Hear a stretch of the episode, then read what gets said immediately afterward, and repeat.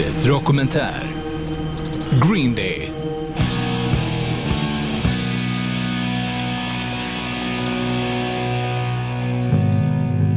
När tre unga skolkompisar bestämmer sig för att börja lira punk tillsammans i början av 90-talet så har de nog ingen aning om att de under resten av decenniet kommer att sälja miljontals album, visas regelbundet på MTV med sina musikvideos och bli stilbildande för otaliga påföljande band.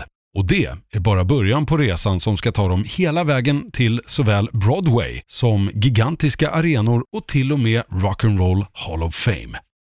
Är det ens möjligt att bibehålla punkens uppkäftiga gör det själv-ideal och anti-allt-mentalitet när man ligger på ett stort majorbolag, har växt sig så stora att publikhaven på konserterna är femsiffriga och hovar in mängder med pengar på albumförsäljning? Ja, låt oss börja från början och se vart vi hamnar.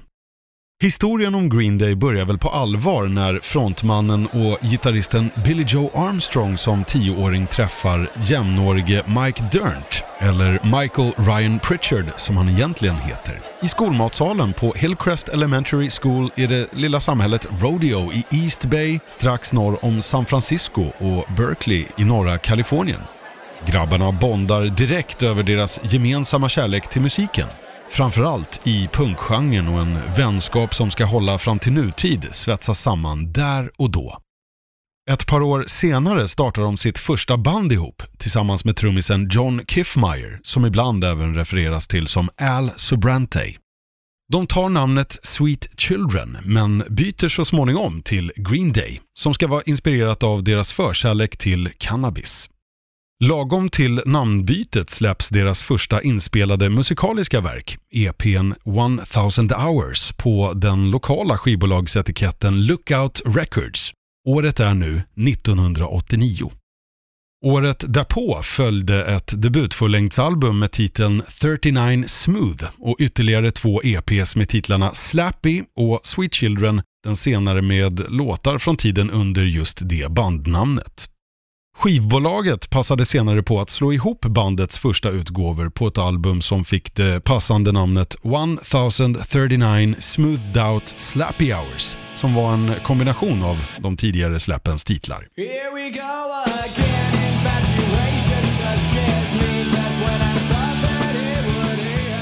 Det var runt den här tiden som trummisen Kiffmeyer tog beslutet att satsa på studier istället för musiken och hoppade av bandet. In kom då istället Frank Edwin Wright III som spelat i The Lookouts, ett annat lokalt punkband. Han är dock förmodligen mer känd under epitetet Trey Cool. Med sin nya trummis på plats spelade Green Day in sitt andra fullängdsalbum Kerplunk som släpptes i december 1991 och lyckades säljas i 10 000 exemplar på releasedagen. De hade vid det här laget jobbat upp en rejäl fanbase genom att åka runt och spela live, vilket de fortsatte att göra under de påföljande åren 92-93. Och den växande succén gjorde att bandet så småningom hamnade på majorbolagens radar.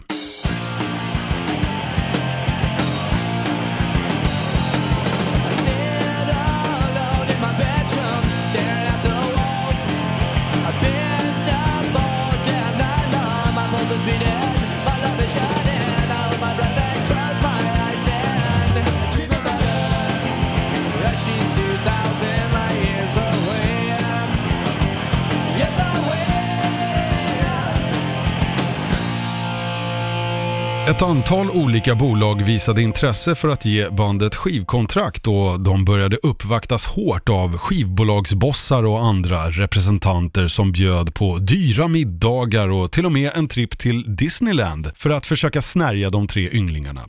Men det var i slutändan Reprise Records, en underetikett till Warner Music som en gång i tiden startades av ingen mindre än Frank Sinatra, som lyckades signa den energiska trion. Mycket tack vare producenten Rob Cavallo som fått upp ögonen för bandet.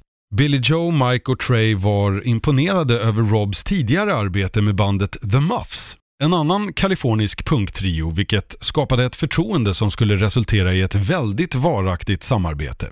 Rob har till dags datum producerat åtta av Green Days tolv utgivna album. Green Day lämnade därmed den lilla independent-etiketten bakom sig och hösten 93 äntrade de studion med Rob och spelade in ett album på ynka tre veckors tid. Ett album som skulle förändra allt. Den 1 februari 1994 släpptes Green Days album Dookie. Och även om det bara lyckades säljas i 9000 exemplar under första veckan så blev det snart därpå en omåttlig succé och en stor kommersiell framgång. Med en andra plats på Billboard-listan och 10 miljoner sålda exemplar innan 90-talets slut. Vid det här laget, så här 25 år senare, har den siffran dessutom hunnit dubblas. Fem singlar släpptes från albumet. Longview, When I Come Around, She, en nyinspelad version av Welcome to Paradise som funnits med på det föregående albumet och såklart dunderhitten Basket Case. Do you have the time to listen to me whine about nothing and everything all at once? I am one of those melodramatic fools, neurotic to the bone, no doubt about it. Bandets popularitet och kännedom fortsatte att öka och fick säkerligen lite extra skjuts av ett par kontroversiella livespelningar senare under året. De bokades in på den kringresande Lollapalooza-festivalen och gjorde även ett ökänt framträdande på den kaosartade Woodstock 94-festivalen, i efterhand kallad Mudstock.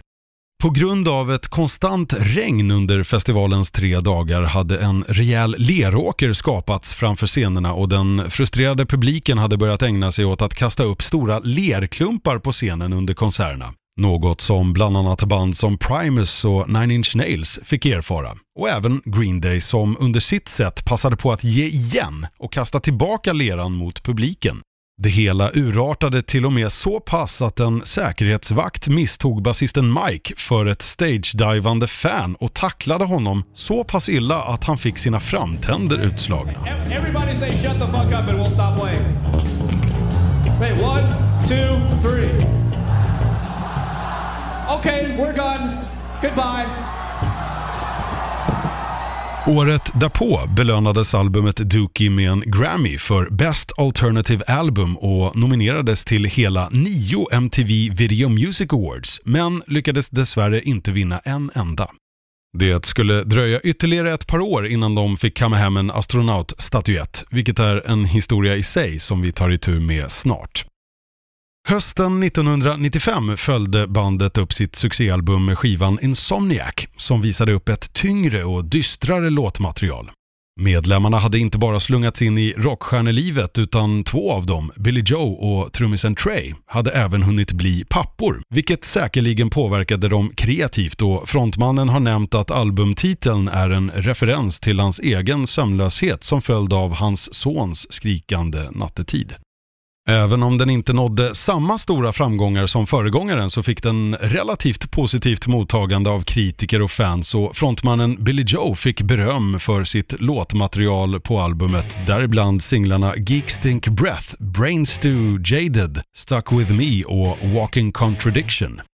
Låten Brain Stew gick för övrigt på demostadiet under arbetsnamnet Insomniac. I'm having trouble trying to sleep. I'm counting sheep but running out. Året därpå tog de en kortare paus efter ett omfattande turnerande världen om, vilket tog rejält på krafterna. Framförallt omställningen att gå från att spela på små svettiga klubbar till stora gigantiska arenor, likväl som hemlängtan till sina respektive familjer. Under första halvan av 1997 började de ändå arbeta på ett nytt album, än en gång med producenten Rob Cavallo. De förklarade för honom att de ville experimentera mer denna gång och bryta mönstret bestående av enkel treackordspunk mot ett mer varierat sound. Runt 30 låtar skrevs och hela 18 stycken spelades in och hamnade på albumet som fick titeln Nimrod och släpptes på höstkanten samma år. Den kreativa processen under skrivandet och inspelningen var mycket mer ohämmad än tidigare och gav upphov till låtar som King for a Day där bandet experimenterade med skapunk och lånade in blåsektionen från No Doubt för att gästa. Och på albumets första singelsläpp, Hitchin' a Ride, kan man höra en orientaliskt influerad slinga på fiol i introt, spelad av Petra Hayden, som även bidragit med sina talanger åt bland annat Foo Fighters med flera. Men en utav låtarna som sticker ut lite extra skrevs inte alls där och då, utan långt tidigare, redan 1990. Billy Joe hade plockat fram den som förslag redan till skivan Dookie men den hade ratats då den inte riktigt passade in med resterande energiska låtmaterial. Good Riddance, Time of Your Life släpptes som andra singel från albumet och var en lugn, melankolisk låt som skulle komma att bli en av deras mest populära låtar och ofta fick avsluta deras livekonserter med Billy Joe ensam på scen med en akustisk gitarr.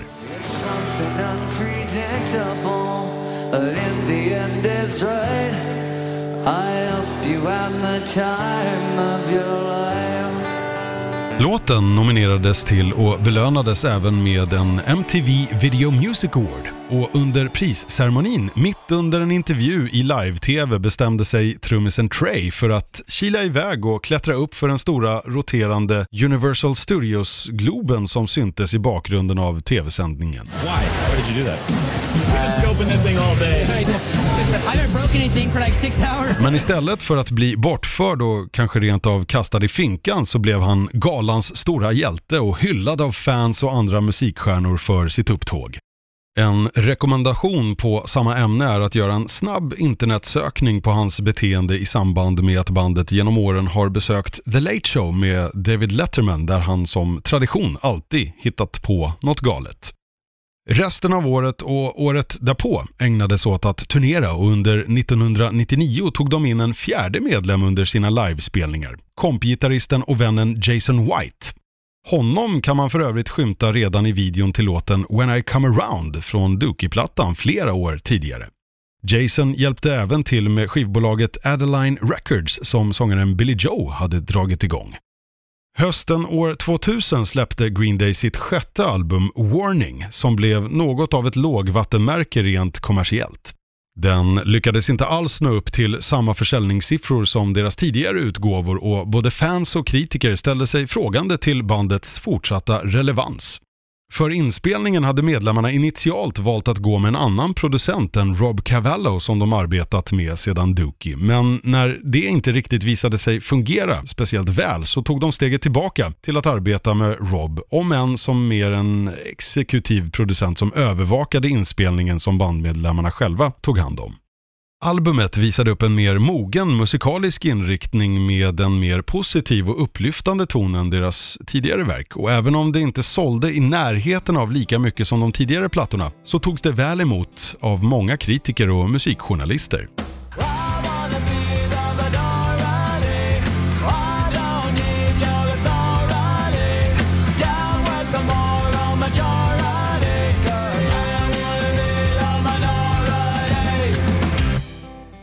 Två stycken samlingsalbum släpptes därefter. International Superhits som kom i november 2001 och samlade alla singlar sedan 94 plus två tidigare ej släppta låtar. Samt Shenanigans som släpptes sommaren 2002 och innehöll B-sidor, rariteter, covers och tidigare ej släppt material. Det året var Green Day dessutom ute på en gemensam turné med Blink-182. Därefter var det dags för Green Day att skriva och spela in sitt sjunde album och lagom till november 2002 fanns ett 20-tal låtar inspelade men i samma veva blev masterbanden mystiskt stulna från studion. Backup-inspelningar fanns men var inte riktigt detsamma som originalinspelningarna enligt bandmedlemmarna så istället för att försöka återskapa materialet igen så bestämde de sig för att börja om helt från början igen. Det skulle komma att bli ett val som resulterade i en av bandets musikaliska milstolpar i karriären som slungade dem tillbaka till toppen av deras popularitet. Låtmaterialet från den osläppta skivan som hade arbetsnamnet Cigarettes and Valentines har dykt upp i enstaka fall här och var som B-sidor och liknande. Medlemmarna har även sagt i intervjuer att delar av materialet används till framtida låtar, men det finns inga planer på att släppa skivan som helhet. Det har även spekulerats i att en viss del av materialet användes till det mystiska sidoprojektet The Network som släppte ett album året därpå. När skivan som hade titeln Money Money 2020 släpptes i november 2003 förnekade medlemmarna i Green Day att de hade något med bandet att göra. Det pågick till och med en fade mellan banden i olika pressmeddelanden som släpptes. Men på senare år så har det bekräftats vad många redan då trodde att det var ett sidoprojekt från Billy Joe, Mike och Trey.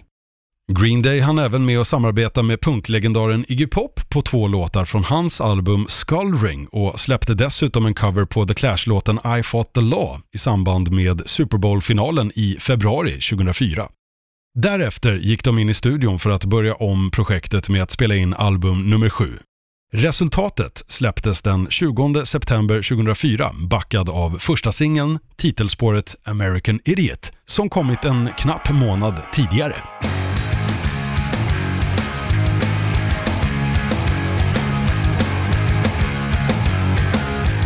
Albumet American Idiot visade upp en helt ny men ändå bekant sida av bandet. Det var ett konceptalbum, en punkrockopera som följde en fiktiv karaktär i det moderna USAs samhällsklimat och kom att bli en social kommentar gentemot det rådande politiska läget i landet. Bara två månader senare återvaldes George W. Bush som USAs president och det var nog ingen hemlighet var Billy Joe Armstrong hade hittat inspiration till textrader som I'm not a part of a redneck agenda och spoken word-passagen i låten Holiday.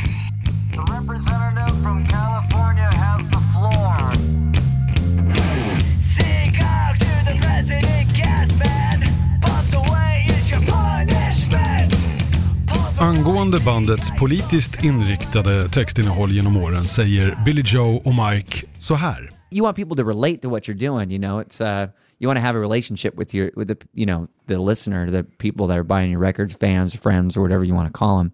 But you know, I mean, it was kind of the same way as like Dookie was the same way. It wasn't as like it wasn't like political or anything like that. But at, at that moment, I mean, I don't know. I, I just want to go back to being a slacker again. You know, you just want to just kind of take a photograph of what's happening at the moment, not p- telling people how to live or anything.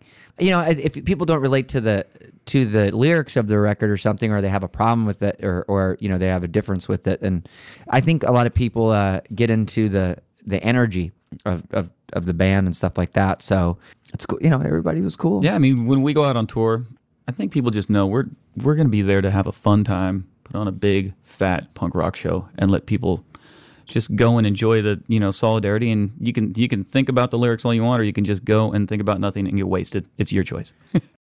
Förutom att innehålla episka låtarrangemang på över nio minuter såsom Jesus of Suburbia och Homecoming och ett politiskt laddat och högkonceptuellt narrativ så blev albumet också en gigantisk kommersiell succé. Mycket tack vare breda hitsinglar som Wake Me Up When September Ends och Boulevard of Broken Dreams. I efterdyningarna av orkanen Katrina som härjade året därpå valde bandet för övrigt att donera alla intäkter från eh, sistnämnda låtens digitala försäljning till Röda Korsets insamling för de behövande offren.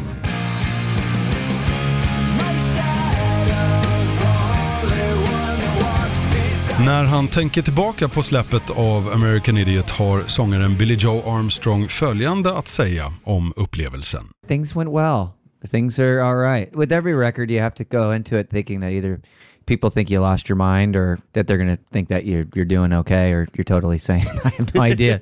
but no, the idea of doing, you know, releasing like a, you know, what, a seven, eight minute song, uh, you know, is like a little bit frightening. But I guess if you're scared, I guess you're doing something right.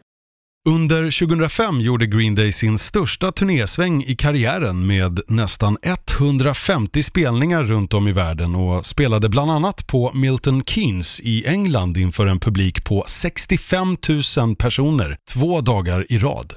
Denna höjdpunkt i karriären förevigades i livekonsertdokumentären Bullet in a Bible som regisserades av Samuel Bayer, bland annat också ansvarig för att ha regisserat Nirvanas musikvideo till Smells Like Teen Spirit och mycket annat. Efter succén med American Idiot ägnade de sig åt diverse mindre sidoprojekt, bland annat det gemensamma garagerockbandet Foxborough Hot Tubs som gjorde ett antal mindre klubbspelningar i hemtrakterna runt The Bay Area och släppte ett album med titeln Stop, Drop and Roll våren 2008. Det blev något av en motreaktion till den gigantiska rockstjärnemaskin som Green Day hade blivit och så här säger medlemmarna själva om projektet. you know, we, we did the Foxborough hot tubs. That was just to kind of get out of our heads and, and just go do something else. And actually, after st- doing some of those shows, I, I, I was like, well, we could do this for the rest of our lives too. this is it's really fun. So it's uh, it Yeah, well, was- of course, we die of liver failure at the end of a year. yeah. Switch, Call it weird, call it stupid, or overly. I, we just like to have fun and do our own thing, and and we like to cheat on ourselves. yeah.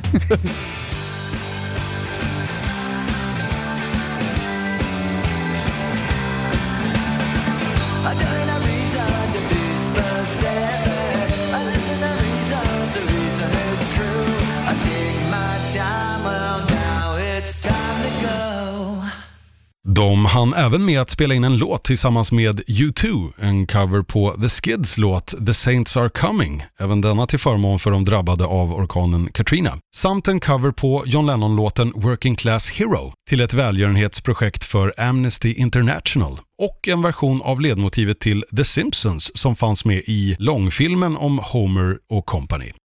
Därefter följde det längsta glappet mellan två Green Day-album. De hade dessutom äntrat studion för första gången sedan genombrottet 94 med en annan producent än Rob Cavallo. Denna gång hade de valt att jobba med Butch Vig, kanske mest känd som producenten bakom Nirvanas Nevermind-platta och själv även trummis i bandet Garbage. Den 15 maj 2009 släpptes 21st Century Breakdown. Precis som föregångaren så var det en rockopera som berättade historien om karaktärerna Christian och Gloria indelat i tre akter. Heroes and Cons, Charlatans and Saints och Horseshoes and Hand Grenades. Så här säger frontmannen Armstrong angående de storslagna konceptuella ambitioner som albumen inneburit. I just think about you know records like you know Revolver or, or Ziggy Stardust or Dark Side of the Moon or London Calling or just anything that felt like a complete piece of work, you know, and not a complete piece of crap, you know. And so it's like I think it's you need to be that ambitious and dream up like like these crazy kind of concepts and albums. It's like that's you know when you're a kid and you're you know it, that's the ultimate freedom that you want you know? It's like you don't want to listen to what the record company has to say or or someone from the record company has to say about like the way that you're you're supposed to make a single and to to get to some sort of demographic or or whatever. You want to you know you want to go in and and throw as much of yourself into it as you possibly can and you know create those like just those monumental moments Att följa upp den gigantiska succé som American Idiot inneburit var såklart en skrämmande uppgift i sig. Men så här säger bandet själva om det hela. I think every record has, you know, pressure to it. I mean, there's, you know, the older that you get, that's the biggest challenge is how do you kind of rise to the occasion, you know, and, uh, so there's definitely pressure on this record just to try to outdo ourselves. And there's a lot, you know, you just have to have a lot of patience and take a lot of time. And that's sort of as a, as a band, what we decided to do, you know? So it was, uh, it's daunting, but you kind of, uh, that, that's what has to fuel your fire to, to begin with, you know? Omslaget till skivan var inspirerat av den svenske street art-konstnären Sixten och hans verk The Kiss som föreställer en kille och en tjej i en passionerad kyss. Enligt konstnären själv så är paret ett par kompisars kompisar som hånglade på en fest någonstans i Eskilstuna för flera år sedan som någon hade fotat, vilket sedan gav inspiration till verket. Som i sin tur då fick representera karaktärerna Christian och Gloria på omslaget till Green Days åttonde studioalbum. Förutom titelspåret släpptes även låtarna Know Your Enemy, East Jesus Nowhere, Last of the American Girls och 21 Guns som singlar. Om den sistnämnda låten säger frontmannen Billy Joe så här. sometimes it could sound like uh, surrendering to something to like your own demons or or whatever for like political reasons to, to surrender or something like that means to give up or something like that but it's just trying to find a moment of like internal humanity or something so that is 21 guns Senare under året arbetade bandet med regissören Michael Mayer för att ta fram en musikal baserat på deras album American Idiot samt ytterligare låtmaterial från bland annat uppföljaren. Föreställningen hade premiär på The Berkeley Repertory Theatre på höstkanten och flyttade våren året därpå till självaste Broadway i New York. Sedmera har produktioner satts upp på flertalet platser världen över, till och med i Sverige, på både Malmöoperan och på Cirkus i Stockholm.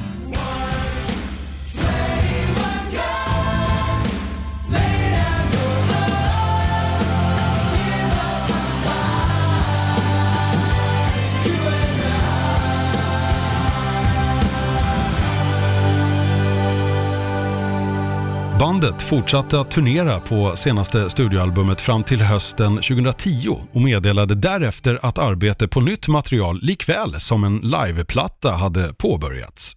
Vid det här laget hade bandmedlemmarna också förevigats som digitala avatarer i musikspelet Green Day Rock Band från spelutvecklaren Harmonix som släpptes till samtliga tre stora spelkonsolplattformar. Green Day är till dags datum tillsammans med självaste The Beatles de enda som fått sina egna bandcentrerade spel från spelstudion och i sällskap med storheterna Aerosmith, Metallica och Van Halen om man även lägger till konkurrenten Guitar Heroes releaser. I mars 2011 släpptes Awesome As Fuck som innehöll en CD med livekonsertmaterial inspelat under senaste turnén samt en DVD med en konsert inspelad på Saitama Super Arena i Japan. Året därpå gick bandet in i studion igen och meddelade att de inte skulle släppa ett utan tre nya album till hösten samma år. Skivorna Uno, Dose och Trey släpptes i september, november respektive december 2012 och hade omslag med var och en av medlemmarna på. Med Billy Joe på den första, Mike på den andra och såklart Trey Cool på den tredje. Vid det här laget hade man även välkomnat gitarristen Jason White som varit turnerande livegitarrist en längre tid som officiell medlem i bandet. Han fick dock inte något eget skivomslag. Tillbaka på producentpallen var också återigen Rob Cavallo.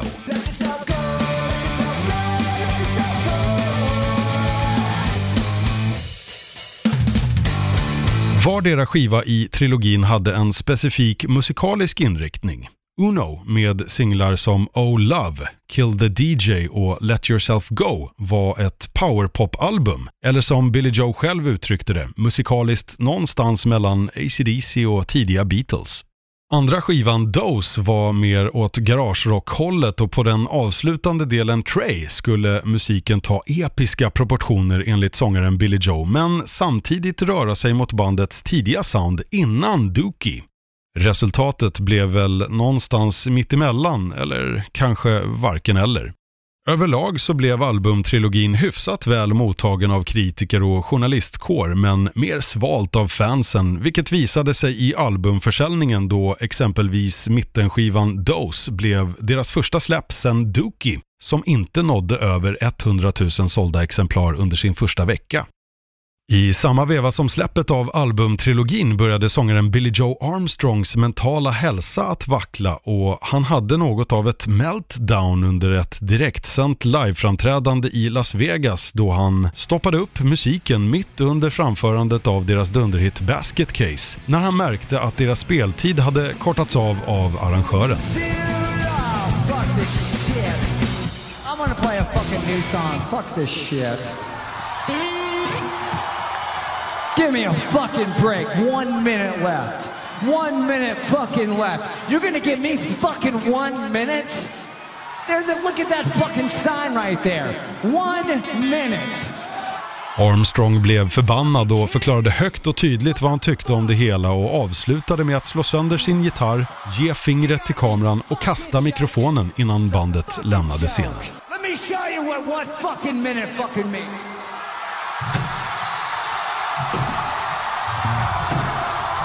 En kort tid därefter meddelades det från bandets läger att Billy Joe hade checkat in på rehab för alkohol och pillermissbruk. One minute.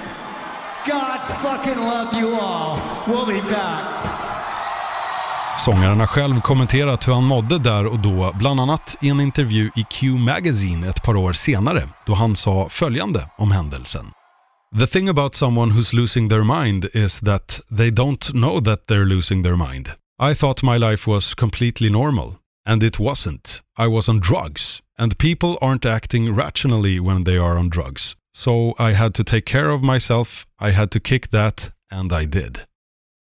2013 ägnades mestadels till att turnera och året därpå blev något av ett sabbatsår. Sen i april 2015 valdes Green Day in i Rock'n'Roll Hall of Fame i Cleveland under en ceremoni som hostades av vännerna i Fallout Boy. Inför ceremonin hade Green Day också gjort sitt första live-gig på över ett år på Clevelands House of Blues, där de inför en intim skara fans inledde med att spela låtar från tiden under namnet Sweet Children, med just originaltrummisen John Kiffmeyer på trumpallen. Och dessutom senare även tog upp Rancid-sångaren Tim Armstrong som gästade på en Operation Ivy-cover. Ett av kriterierna för att bli invald i Rock'n'Roll Hall of Fame är dessutom att 25 år måste ha löpt sedan ens första albumsläpp, vilket innebar att Green Day blev invalda under sitt första kvalificerade år, exakt 25 år efter debuten 39 Smooth. Hösten 2016 släppte de sitt tolfte album, Revolution Radio. Billy Joe erkände i intervjuer att albumtrilogin som förekom nya albumet hade saknat ordentlig inriktning och blivit framhastad för sakens skull och att bandet nu gått mer back to basics. Gitarristen Jason White deltog dessutom inte i inspelningssessionerna utan hade gått tillbaka till att vara turnerande kompgitarrist. Denna gång hade Billy Joe, Mike och Trey gått in i studion och spelat in och producerat allt på egen hand. Singlarna Bang Bang, titelspåret Revolution Radio och Still Breathing släpptes från skivan som överlag ansågs vara en mer fokuserad och väl genomarbetad skapelse utav recensenter och fans.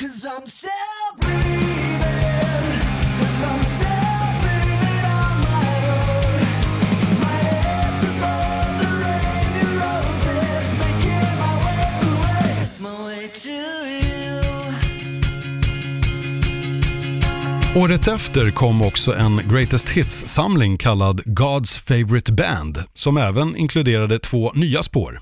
En omarbetad version av Ordinary World från senaste albumet, samt helt nya låten Back in the USA.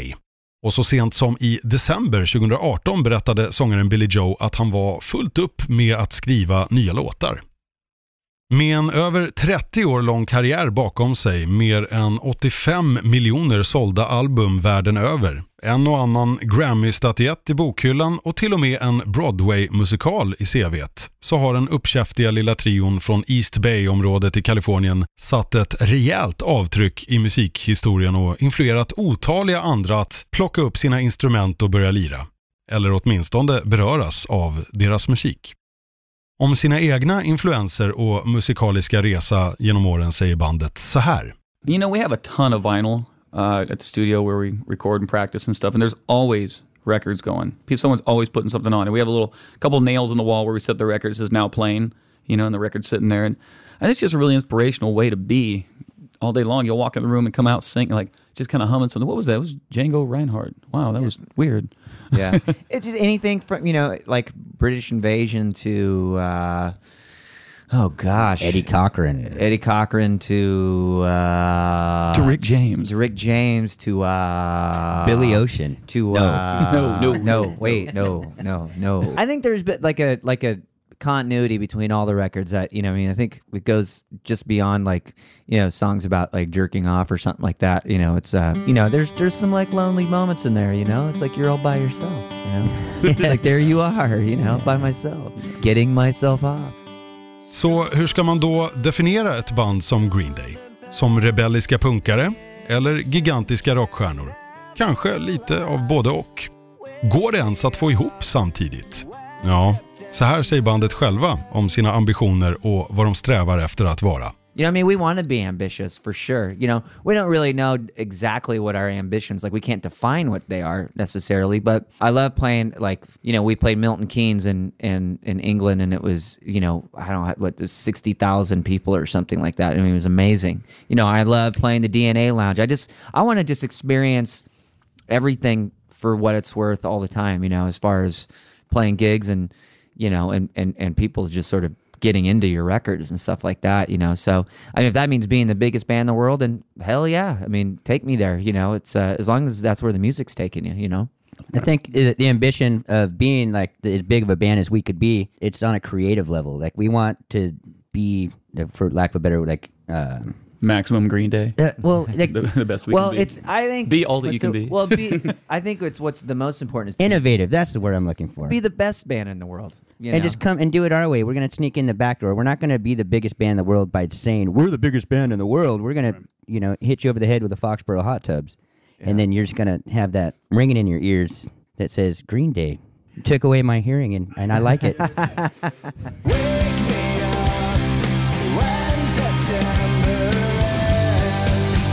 You know, music to me is um, the air that I breathe. You know, it's the blood that pumps through my veins that keeps me alive. So without it, I don't know what I would do. I mean, I probably have a job or something like that. But people ask me, "What would you do if you didn't have Green Day?" And I said, "What I, I'd be in Green Day. I don't really know." Anything else? Or people say, you know, what do you think of people that only talk to you or like you because you're in Green Day? And I say, well, I am Green Day. That is me. That is my life. It's something unpredictable, but in the end is right. I hope you had the time of your life.